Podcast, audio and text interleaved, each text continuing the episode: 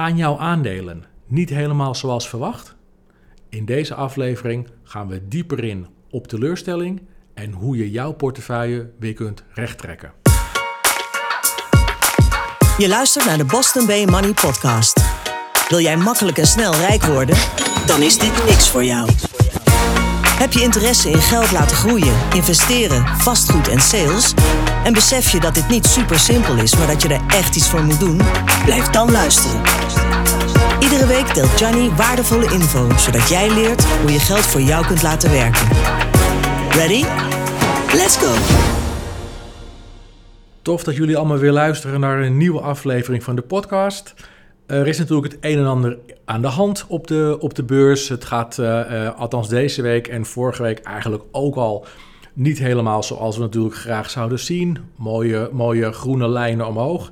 Nou, het is nu eventjes een ander verhaal. Het, is, uh, het stuitert een beetje.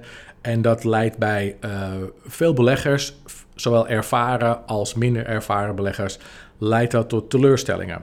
Uh, en in deze podcast wil ik uh, iets dieper ingaan op teleurstellingen en ook in relatie tot wat er op dit moment aan de beurs, of aan de beurs, aan de hand is op de beurzen, zodat jullie misschien een beetje een inzicht krijgen en dat je zoiets hebt van, nou, nu kan ik het beter plaatsen en heb ik ook wat meer grip op mijn emoties. Alright.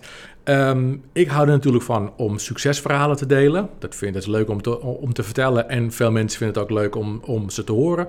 Maar je moet soms ook realistisch zijn. Het is niet allemaal één grote uh, succesverhaal. Het is niet allemaal feestneuzen en poffertjes. Dus um, ik wil ook uh, uh, eerlijk zijn richting, uh, richting jullie en gewoon zo transparant mogelijk. En ik had deze week, eigenlijk vorige week begon het al, een, heb ik ook een, een, teleurstelling meegemaakt. Ik heb een einde gemaakt. Een einde klinkt wel heel heftig trouwens, maar ik ben gestopt met een relatie. Um, die, die kreeg inmiddels een zakelijke relatie trouwens. Dat werd ook een beetje, dat liep uit op een teleurstelling. En ik had zoiets van, nou weet je, niet mijn ding. Ik moet een, um, um, ik moet een einde aan die situatie maken. Want, want dit is niet, we gaan niet de kant op die ik, die ik wens. Um, voordat ik verder ga, is het misschien even handig om te vertellen hoe ik doorgaans met teleurstellingen omga. In mijn optiek, misschien hebben jullie dat, hebben jullie dat ook wel, maar in mijn optiek kan, kan ik eigenlijk alleen maar teleurgesteld raken in iets wanneer ik meer had verwacht. En uh, wanneer, zeg maar, wanneer de werkelijkheid niet strookt met mijn verwachtingen, ja, dan raak ik teleurgesteld. En ik denk dat dat voor veel mensen uh, opgaat. Maar aan wie ligt dat dan? Want ik heb verwachtingen, die stroken niet met de werkelijkheid. Maar ligt dat dan aan, aan de mensen bij wie ik die verwachtingen heb? Of, of ligt het aan mij? Nou, ik zoek het altijd bij mezelf. Um, het is eigenlijk een, een terugkerend patroon bij mij. Soms schat ik talenten van mensen gewoon te hoog in. En, um, of dan denk ik bijvoorbeeld dat mensen wel begrijpen hoe iets werkt, of dat ze dezelfde ambitie hebben als ik, maar dat is natuurlijk niet zo. Dan schat ik dat verkeerd in. Uh, dikke teleurstellingen en ja, eigenlijk gewoon teleurstellingen en dikke kutzooi. En dan moet ik natuurlijk gewoon weer, weer verder. Ik zou echt een super slechte zijn op een HRM-afdeling waarbij ik mensen moet aannemen of zo. Ik zou er echt heel slecht in zijn, want ik kan dat. Ik denk altijd dat iedereen wel een beetje iets kan. En soms kom je tot de conclusie dat mensen gewoon of helemaal niks kunnen, of uh, gedeeltelijk mee kunnen, of, of ja, half-half. Um, ik ben er niet goed in om dat, uh, om dat in te schatten. Maar die teleurstellingen die komen dus bij mij wel vaak voort uit het feit dat ik dingen verkeerd heb ingeschat. Dus ligt het aan mij. Zo eerlijk moet je zijn. Nou, dit keer ging het om een zakelijke relatie die niet mee kon groeien uh, naar het niveau dat ik nastreef. Ja, dan moet je, heb je natuurlijk wel tijd en energie in elkaar geïnvesteerd. Maar goed, dan moet je afscheid nemen. Heel simpel. En weer verder. En ik heb het natuurlijk ook met collega's gehad. Nou, sommige mensen die wat langer naar de podcast luisteren, die, uh, die zijn ervan op de hoogte. Ik heb wel uh, uh, geprobeerd met virtual assistants of met collega's. En mooie verhalen tijdens de kennismaking, tijdens de introductie, mooie verhalen. Maar zodra het go-time is en er wordt meer verwacht, ja, dan, dan zag ik stuk voor stuk allemaal verdrinken. Nou, hup, wegwezen. En dan zoek ik een nieuwe collega die het niveau wel heeft of wel het niveau wil halen. Klinkt een beetje hard, maar ja, het is niet anders. Um, ik werk op een hele makkelijke manier. En dat heb ik altijd al gehad, ook toen ik, toen ik nog in loondienst werkte.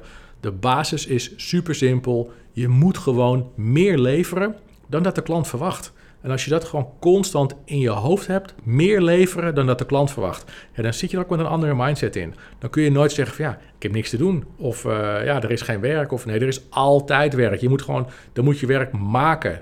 Ga iets bedenken waarbij, wat, wat jij kunt creëren of wat jij kunt, kunt, kunt organiseren of wat dan ook voor jouw klanten. Iets dat ze niet verwachten, maar dat voor hun super veel waarde vertegenwoordigt. Je moet gewoon altijd meer leveren. In ieder geval meer dan dat er verwacht wordt. Mijn, is mijn mening, misschien denk ik er heel anders over, maar bij mij heeft het altijd heel goed, goed gewerkt. En ik weet ook dat mijn uh, relaties met mijn klanten was altijd goed. Ik kreeg al vaak hoge cijfers. Nu nog steeds. Mijn, mijn reviews zijn altijd hoog. Vijf sterren sowieso. En mensen zijn gewoon happy. En dat komt omdat je ze meer levert dan dat ze hadden verwacht. Lange intro, vijf minuutjes. Maar ik wilde deze intro wel geven. Omdat ik gisteren, uh, wat ik in het begin al zei... Uh, met een aantal boels in onze, in onze chat zat... En sommigen waren teleurgesteld in het rendement dat ze tot, nog toe, tot nu toe hadden behaald. Ja, ik vind dat, dat vind ik aandacht waard. En uh, dus ik had zoiets ik wil niet dat mensen teleurgesteld zijn, maar ik vroeg me dan wel af, ben je teleurgesteld in jezelf of hoe, hoe werkt dit precies?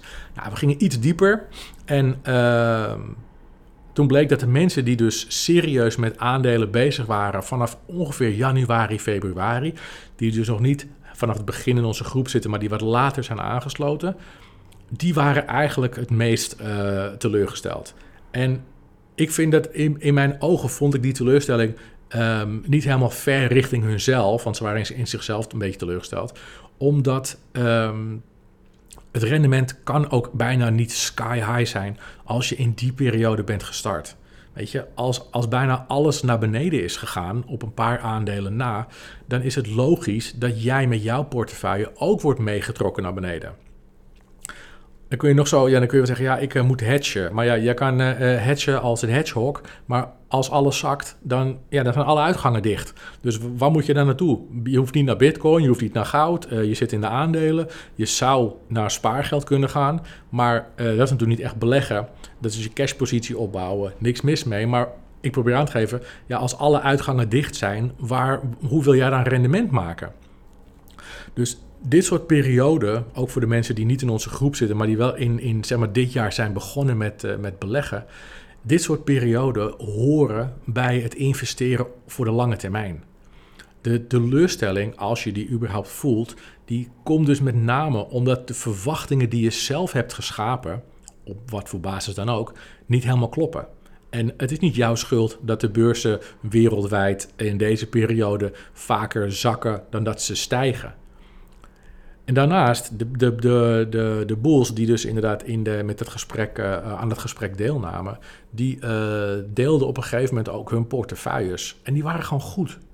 Er zit natuurlijk altijd wel wat risico in een portefeuille, maar wat ik zag was het percentage, zeg maar, risico slash rommel heel laag. En wanneer je investeert in sterke bedrijven voor de lange termijn, dan hoef je je niet druk te maken om dit soort uh, periodes van, van ja, een beetje schommelingen slash dalingen.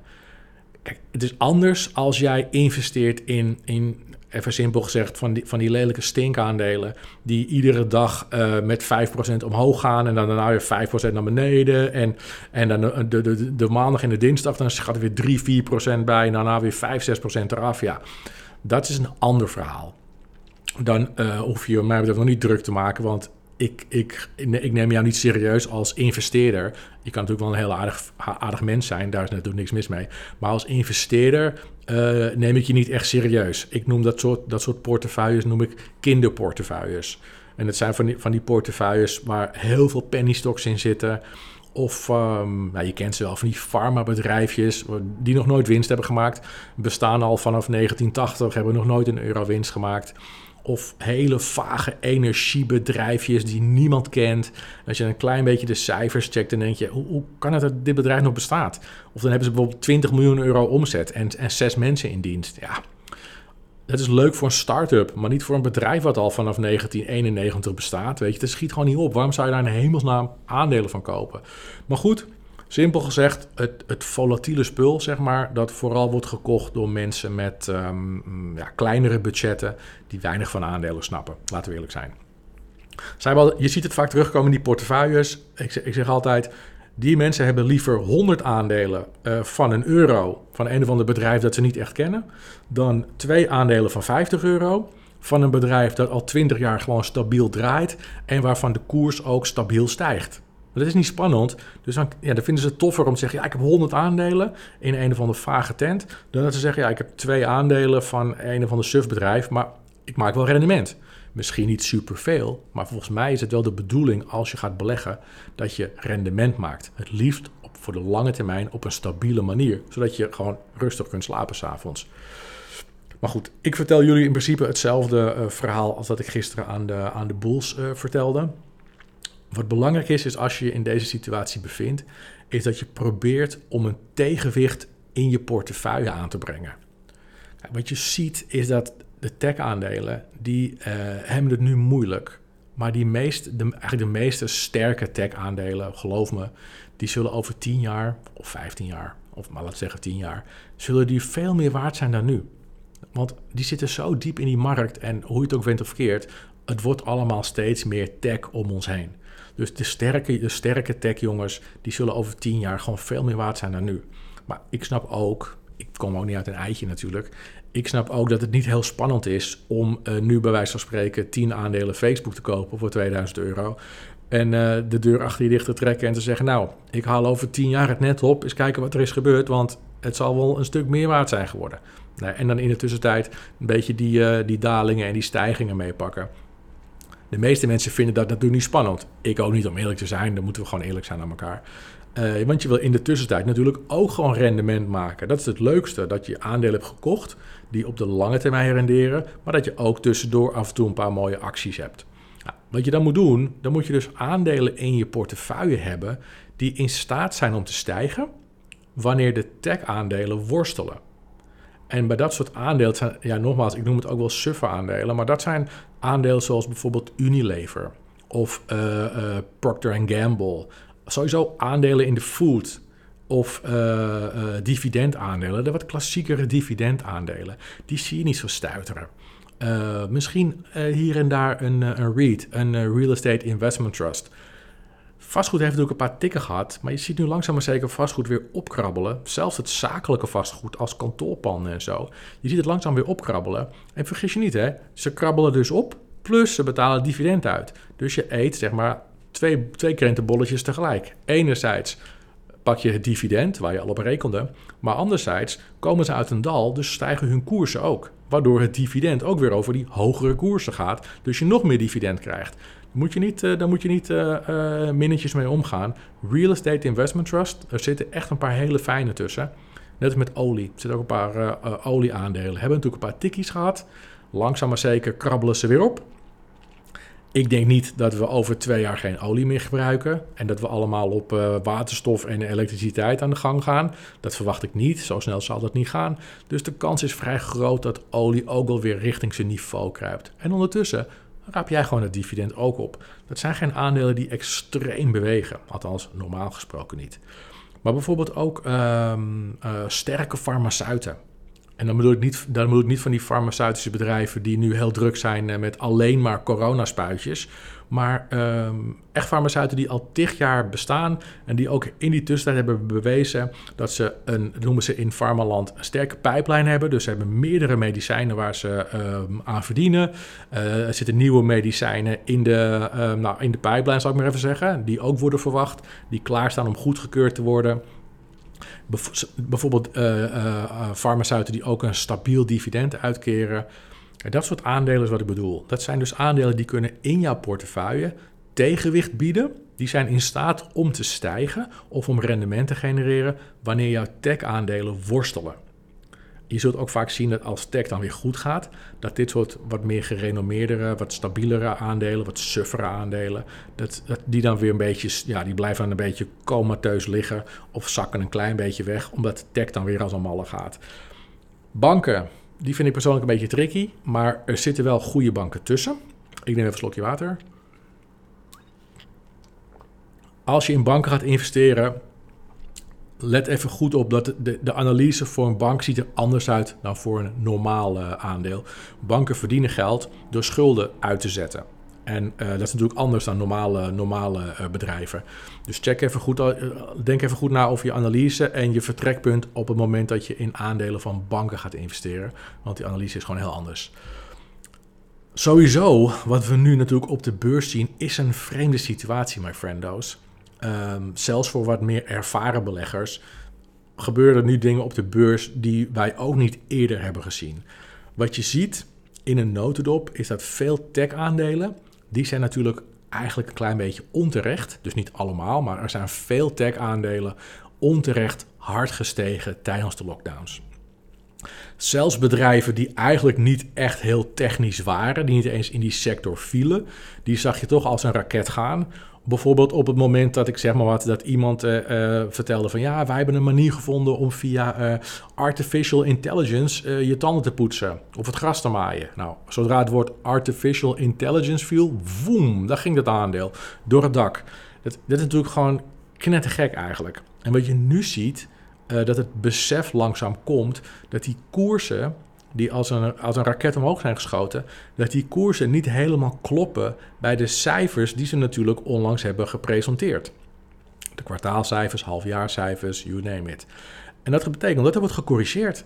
Dus dan denken mensen in één keer, hé, hey, wacht even, uh, dit is niet echt aan het aandeel wat ik, wat ik zoek. Ik had iets anders verwacht of wat dan ook. En dan zie je dus dat, mensen, dat er meer mensen zijn die gaan verkopen dan dat er mensen zijn die gaan kopen. Nou, als dat gebeurt, dan, als dat heel massaal gebeurt, dan crasht de boel. Maar zoals we nu zien, is dat we te maken hebben met correcties.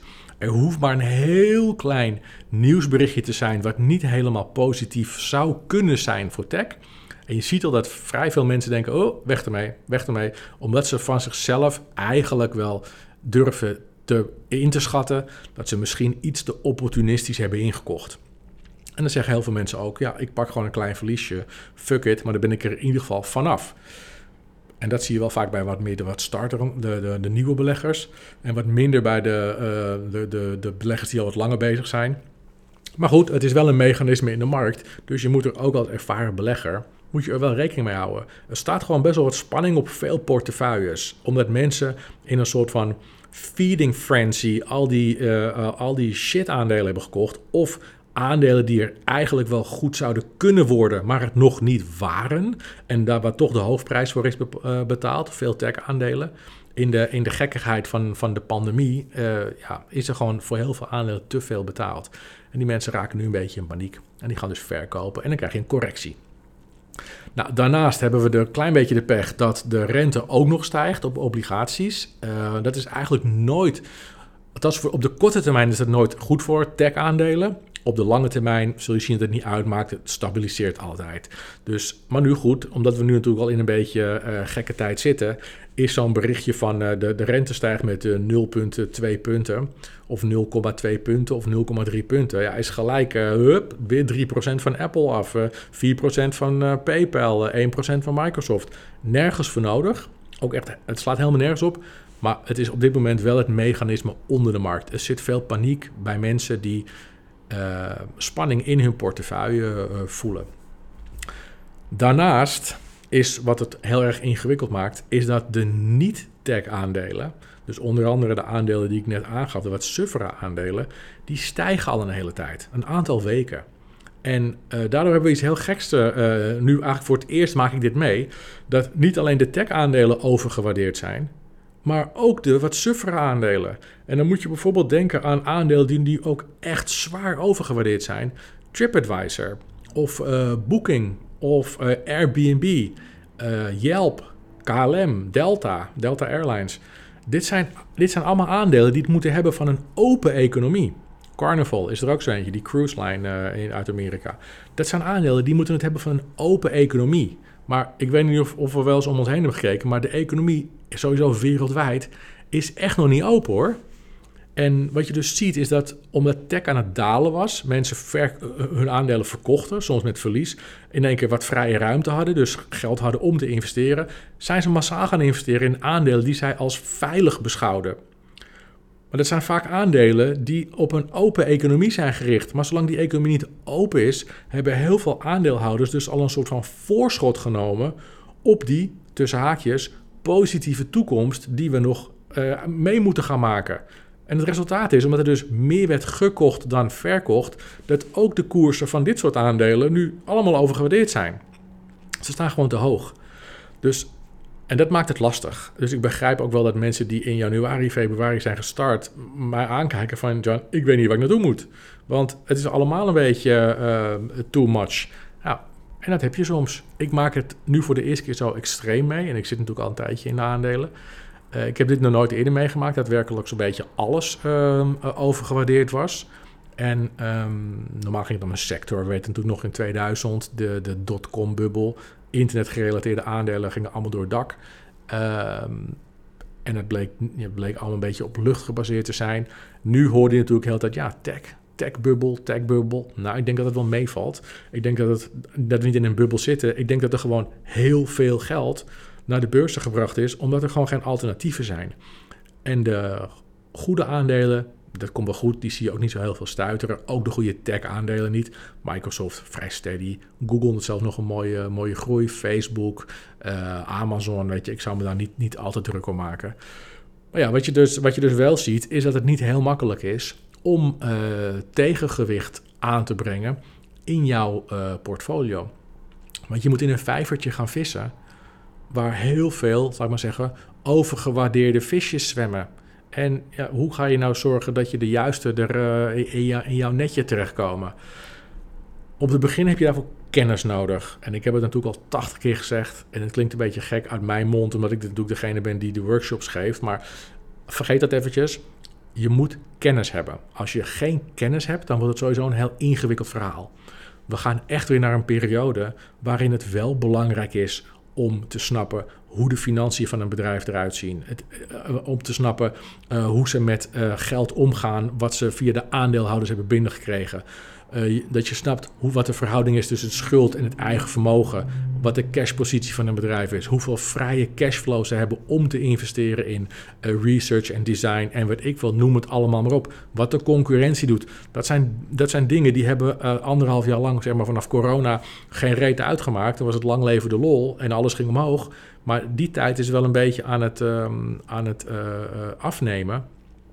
En er komt een moment dat, dat dingen die normaal gesproken belangrijk waren in aandelenland weer belangrijk gaan worden. En uh, ik denk als je dus weet hoe je dat soort bedrijven moet analyseren, of dat soort aandelen moet analyseren, dat de factor teleurstelling, waar we mee begonnen, ook weer terugloopt. En ik denk, want ik, ik, vond het een, een, een leuk onderwerp voor de podcast, want de Bulls, die hebben echt wel uh, genoeg kennis. Ik maak me daar helemaal geen één seconde druk om. Ik heb ze allemaal zelf getraind. Dus uh, plus ze er nog uh, in, de, in de, onze app worden ze nog constant bijgespijkerd. Dus ik maak me helemaal niet druk dat zij niet genoeg kennis hebben. Zij hebben genoeg kennis. Maar zelfs dan zie je dat hun verwachtingen soms niet helemaal stroken met de werkelijkheid. Laat staan de mensen die dus niet genoeg kennis hebben. Mensen die op de beurs rondlopen zonder relevante kennis. Ja, die zie ik langzaam maar zeker, en het lijkt alsof ze het niet doorhebben, die zie ik langzaam maar zeker ja, een soort mist inlopen. Want het is ook niet heel makkelijk om te monitoren als je een starter bent zonder kennis. Want de ene dag is het heel goed, de andere dag is het weer beroerd, dan is het weer goed, dan is het weer beroerd. Maar als je die lijn over een 4, 5 weken trekt, zul je zien dat het langzaam maar zeker, de, zeg maar, als je die hele lijn volgt, dat je toch echt naar beneden aan het gaan bent. Maar het is moeilijk om te zien als jouw, uh, jouw rendement bijvoorbeeld 1000 euro is en dan de week erop uh, 960 en dan weer 1100 en dan de week daarop 890. Ja, dan denk je, nou, het komt wel weer goed. Maar langzaam maar zeker zie je hem toch uh, dalen. Nou, dan heb je altijd nog mensen die zeggen van... ja, maar ik wacht het gewoon even rustig af... en natuurlijk heb ik nu stress... maar het komt aan het einde van de rit komt het wel goed. Dat denk ik ook, als je een sterke portefeuille hebt.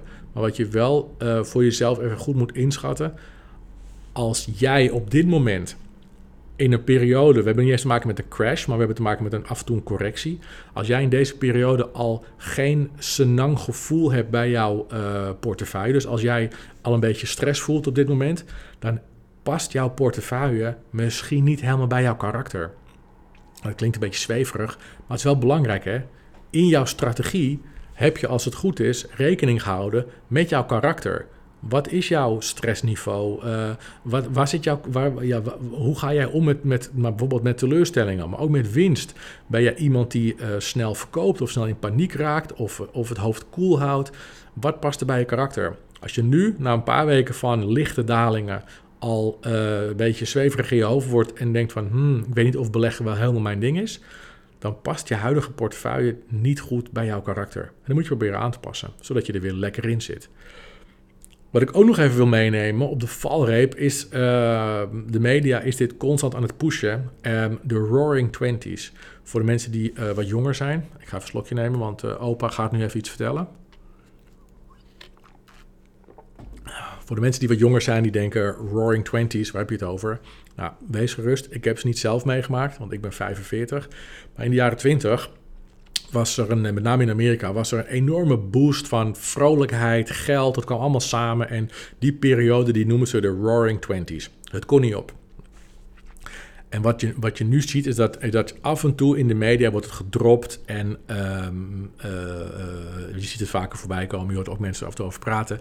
Een soort van scenario van als zometeen alles weer open gaat, dan zouden we wel eens zo'n periode kunnen krijgen in de roar, als in de Roaring Twenties. Omdat er zoveel geld is weggepot tijdens corona op spaarrekeningen, dat als we zometeen weer op vakantie mogen of weer uit mogen gaan of naar festivals mogen gaan, nou, dan gaat het geld er met bakken tegelijk uit en dan krijgt die economie een enorme boost. Geloof mij, dit is allemaal agenda setting. Het enige wat ze willen is een situatie creëren waarbij jij zo meteen al jouw geld over de balk smijt. Maar geloof me, als zouden we dat allemaal doen, het geld dat wij hebben weggezet en wat wij kunnen uitgeven aan vakanties en, en, en nieuwe meubeltjes en uh, weet ik veel, MacBooks voor de kinderen en festivals, dat geld dat is nog niet eens een tiende van een procent van al het geld wat er doorheen is gejankt in de vorm van leningen aan bedrijven en weet ik wat. Die Roaring Twenties, als wij massaal ons geld uit gaan geven, dan zijn wij misschien uh, twee, drie maanden hartstikke druk. Aan het einde van de rit zijn wij allemaal ons geld kwijt, ons spaargeld. En daarna zul je zien dat de bezuinigingen eroverheen gaan, de belastingen gaan omhoog, misschien de BTW gaat weer omhoog. Dan komt die dreun. Dus doe niet dom, ik zeg het ook gewoon zoals het is. Doe niet dom. Ga niet mee in die gekkigheid dat je weer helemaal los gaat. Hou je hand op de knip. Jammer voor de economie, maar zorg dat jij blijft drijven. Ga niet helemaal overboord. Dat is iets wat domme mensen doen. Die gaan al hun poen uitgeven en die krijgen dan na de zomer krijgen ze hem vol tussen hun ogen. Blijf gewoon verstandig investeren. Wat de media ook roept over de roaring twenties en eh, we gaan economische groei doormaken. No way in hell. Er is een shitload aan miljarden uitgezet bij bedrijven. De overheid moet gaan besparen als een malle. Heel Europa, misschien wel de hele wereld, moet gaan besparen als een malle. Dat gaan ze niet uh, uh, ergens met, uh, aan het einde van de regenboog zoeken, een potje geld. Nee, dat geld gaan ze bij ons ophalen. Dus blaf niet al je geld er doorheen en dat je daarna het bokje bent. Hou geld achter. Hou dat noodfonds van die 12 maanden en als je, uh, of 6 maanden of 12 maanden. En als je er nu 18 maanden op hebt staan, omdat je zuinig bent geweest tijdens corona. Hou dat gewoon vast en beter investeren dan dat je zometeen een of andere woeste vakantie boekt met je laatste geld. Omdat je denkt dat we in de Roaring Twenties uh, balans zijn. Het is mijn mening, doe ermee wat je wil. Maar het is wel iets wat ik ook uitdraag richting uh, de mensen met wie ik gesprekken voer. Tuin er niet in. Tuin er niet in. Dit is puur marketing vanuit de overheid, de media, om jou zometeen geld uit te laten geven en die economie tijdelijk een boost te geven. Maar daarna, als die afkoelt, ben jij het bokkie, want jij hebt geen geld meer. Alright. Dat was hem voor deze. Uh, sowieso natuurlijk weer bedankt voor het luisteren. We zijn 28 minuten onderweg, dus het valt nog mee. Uh, teleurstellingen, we hebben ze allemaal. Kijken hoe je ermee omgaat, maar besef je dat teleurstellingen vaak voortkomen uit het feit dat jouw verwachtingen niet stroken met de werkelijkheid. Dus zoek het vooral bij jezelf. Ik wil jullie nogmaals bedanken voor het luisteren. Maak er een mooie dag van. Uh, wil je mij volgen op uh, Instagram, dan is het Boston Bay, liggend streepje en dan aandelen. Uh, wil je me een, een, connectie van me worden op LinkedIn, dan is het gewoon op mijn naam, Johnny Amato. Verder heb ik natuurlijk nog gewoon e-mail als je vragen wilt, wilt stellen, info. En ehm, ik hoor het wel. Maak er een mooie dag van en we gaan weer op naar de volgende. Hoi!